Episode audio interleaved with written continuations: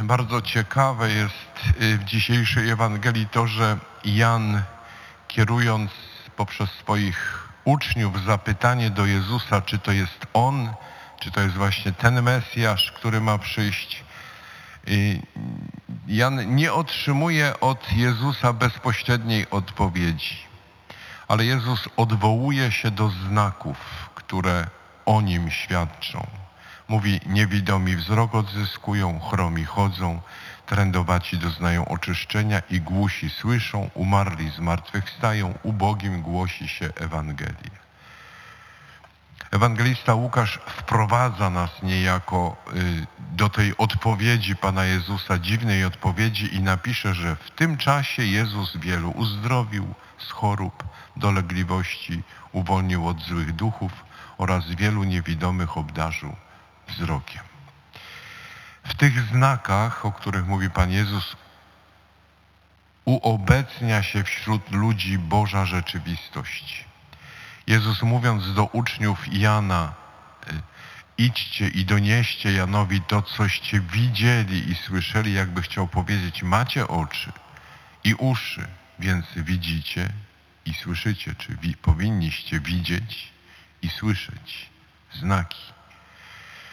Liturgia mszy świętej to także słuchanie i patrzenie i doświadczanie żywej, prawdziwej, rzeczywistej, autentycznej obecności Boga pośród swojego ludu. Od wczoraj jeszcze bardziej wchodzimy w świat znaków świętej liturgii. Słuchaliśmy Boga, który do nas mówi, bo mamy przecież uszy, a teraz chcemy oglądać Jego obecność wśród nas właśnie w znakach. Jesteśmy na etapie przygotowywania darów. Wczoraj próbowałem wyjaśnić znaczenie przedmiotów y, używanych do sprawowania liturgii eucharystycznej. Kielich, patena, korporał, puryfikaterz, lawetarz. Dzisiaj modlitwy i słowa towarzyszące przygotowywaniu darów. Często kapłan wypowiada je po cichu, więc są mało słyszalne, ale ważne, bo on, kapłan, mówi w naszym imieniu do Boga. Bóg go słyszy. Najpierw kapłan albo diakon rozkłada na środku ołtarza korporał, czyli ten kwadratowy fragment y, materiału sztywnego, który potem tworzy kopertę, tak się go składa do środka, by wszystkie partykuły nie wypadły na zewnątrz, te, które zostały po łamaniu chleba.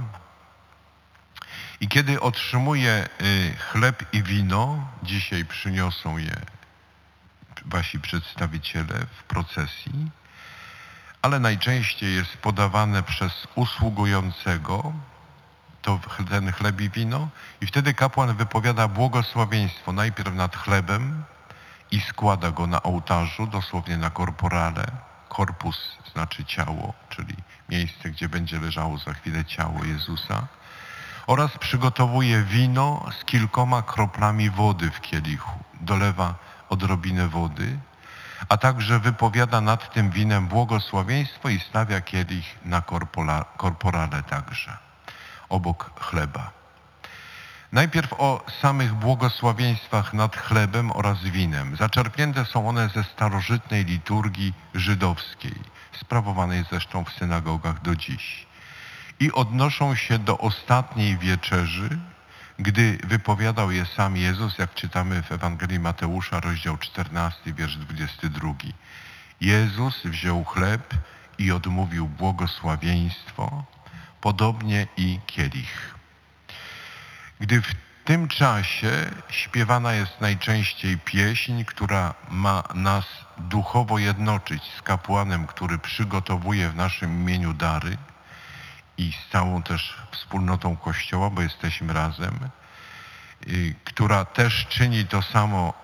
Kapłan wypowiada błogosławieństwo po cichu, Czasami jednak nie śpiewamy i wtedy do błogosławieństwa dołączona jest nasza odpowiedź. I dzisiaj tak będzie. Odpowiedź, która czyni te modlitwy, te błogosławieństwa naszą własną. Bo kapłan czyni to w naszym imieniu, bo to jest nasza msza święta. Ważne jest przygotowywanie wina. Kapłan wlewa przyniesione wino, musi mieć odpowiedni certyfikat, takie wino, zezwolenie na używanie liturgii. Nie każde wino można używać, tylko te, które ma zezwolenie władz kościelnych. Jest y, najpierw sprawdzane, musi być czyste wino, gronowe, białe, bez żadnych dodatków. Y, to jest warunek, że to wino mo może być dopuszczane do liturgii. Jest to szczególny znak, kiedy kapłan potem do tego wina nalewa do kielicha, wpuszcza kilka kropel wody, czasami używa do tego specjalnej łyżeczki. Y, jest to szczególny znak, bo wino oznacza bóstwo Chrystusa, a woda Jego człowieczeństwo. Bóg stał się człowiekiem. Chrystus, Bóg, uniżył się przyjmując ludzkie ciało. Jest prawdziwym Bogiem i prawdziwym człowiekiem w jednej osobie boskiej. Wino i woda w jednym kielichu. Czyli my ludzie mamy udział w bóstwie Chrystusa.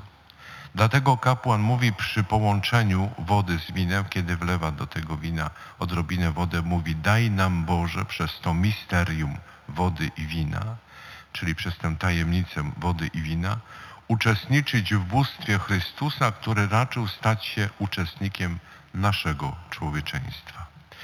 Po złożeniu chleba i wina na ołtarzu i po błogosławieństwie nad nimi kapłan prosi Boga po cichu, aby przyjął od nas tę ofiarę, a wraz z nią nas samych. To jest bardzo ciekawe. Ofiarę i nas jako ofiarę. Dzisiaj wypowiem te słowa głośno, żebyśmy mogli słuchać. Jest to modlitwa pokory, modlitwa skruchy. Dlatego kapłan odmawia ją pochylony. Przyjmij nas, Panie, stojących przed Tobą w duchu pokory i sercem skruszonym. Niech nasza ofiara tak się dzisiaj dokona przed Tobą, Panie Boże, aby się Tobie podobała. Następnie kapłan obmywa ręce. Ten gest może odnosić nas bezpośrednio do zbawczej męki Chrystusa, która dzieje się tu i teraz na ołtarzu. To dzieje się Jego męka, uobecnia się i przywoływać można przez to gest Piłata, który obmywał ręce przed skazaniem Jezusa, po skazaniu Jezusa. Ale w rzeczywistości jest to bardzo bardziej gest rytualny, powiązany z modlitwą psalmu, bo kapłan wówczas mówi obmyj mnie, Panie, z mojej winy i oczyść mnie z grzechu mojego. To cytuję fragment psalmu 51, odnosząc tę prośbę do własnej grzeszności. Nie tylko lud jest grzeszny, ale także ten, który składa ofiarę. Po tym obrzędzie kapłan zwraca się do ludu uczestniczącego w ofierze i mówi, wprost mówi, módlcie się, aby moją i waszą ofiarę przyjął Bóg, Ojciec Wszechmogący, moją i waszą. Jest to bowiem ofiara, którą składa kapłan ofiarnik i ofiara ludu, w imieniu którego ofiarę składa. I na to wezwanie kapłana odpowiadamy takie cztery, y, z takich czterech części składające się y, aklamacje. Mówimy tak, najpierw, niech Pan przyjmie ofiarę z rąk Twoich. Potem mówimy, na po co? Na cześć i chwałę swojego imienia. Po trzecie, oraz na pożytek nasz, czyli nas tu obecnych. I po czwarte, całego Kościoła Świętego, czyli to jest ofiara całego Kościoła na całym świecie, całej wspólnoty, chociaż sprawowana tu, w tym miejscu. Jest to bardzo ważna nasza odpowiedź, ponieważ przez nią włączamy siebie samych, całe swoje życie, wszystkie swoje sprawy, intencje, prośby, dziękczynienia. Słowem wszystko, co nasze w tę jedyną ofiarę Chrystusa dla pożytku naszego oraz całej wspólnoty Kościoła. Trzeba te słowa wypowiadać głośno i z zaangażowaniem. Przypomnij, ja chcę przypomnieć tutaj słowa apostoła Pawła, list do Rzymian, 20, 12 rozdział, wiersz pierwszy, który napisał tak, po co? Abyście dali ciała swoje na ofiarę żywą, świętą, Bogu miłą, jako wyraz waszej rozumnej służby. I to jest właśnie ten moment. Najczęściej z mszą świętą złączona jest intencja kogoś, kto w cudzysłowie zamówił intencję, czy owoce mszy świętej ofiarowane są tylko i wyłącznie w tej zamówionej intencji, Nie. Każda ofiara mszy świętej jest składana za cały Kościół, za żywych, za zmarłych, ale tę intencję konkretną w danym momencie Kościół poleca szczególnie, jakby popiera tę intencję cała wspólnota. Na koniec przygotowania darów następuje tak zwana modlitwa nad darami. Teraz kapłan wszystkie te nasze prośby, które łączymy z tą ofiarą, wszystkie nasze ofiary, które łączymy z tą ofiarą i całego Kościoła zbiera w jednej modlitwie, która bierze pod uwagę także szczególne okoliczności dnia i ponownie prosi Boga, aby przyjął te dary, które składamy z wiarą przez naszego Pana Jezusa Chrystusa.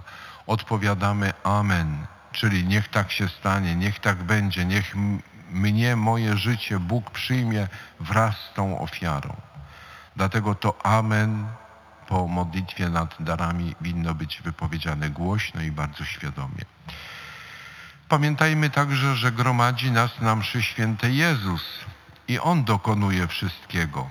Kapłan działa wyłącznie in persona Christi, czyli w osobie, czyli Jezus działa w osobie kapłana. Kapłan jest narzędziem, ale obecny jest Jezus. Kapłan nie działa w swoim imieniu. Tutaj z Jezusem biorącym chleb i błogosławiącym Go zaczyna się coś niezwykłego. Faktycznie możemy to przegapić, będąc czasami przyzwyczajeni do obrzędów mszy świętej, nie zwrócić na to doniosłe przygotowanie darów wydarzenie, które ten prosty początek oznacza.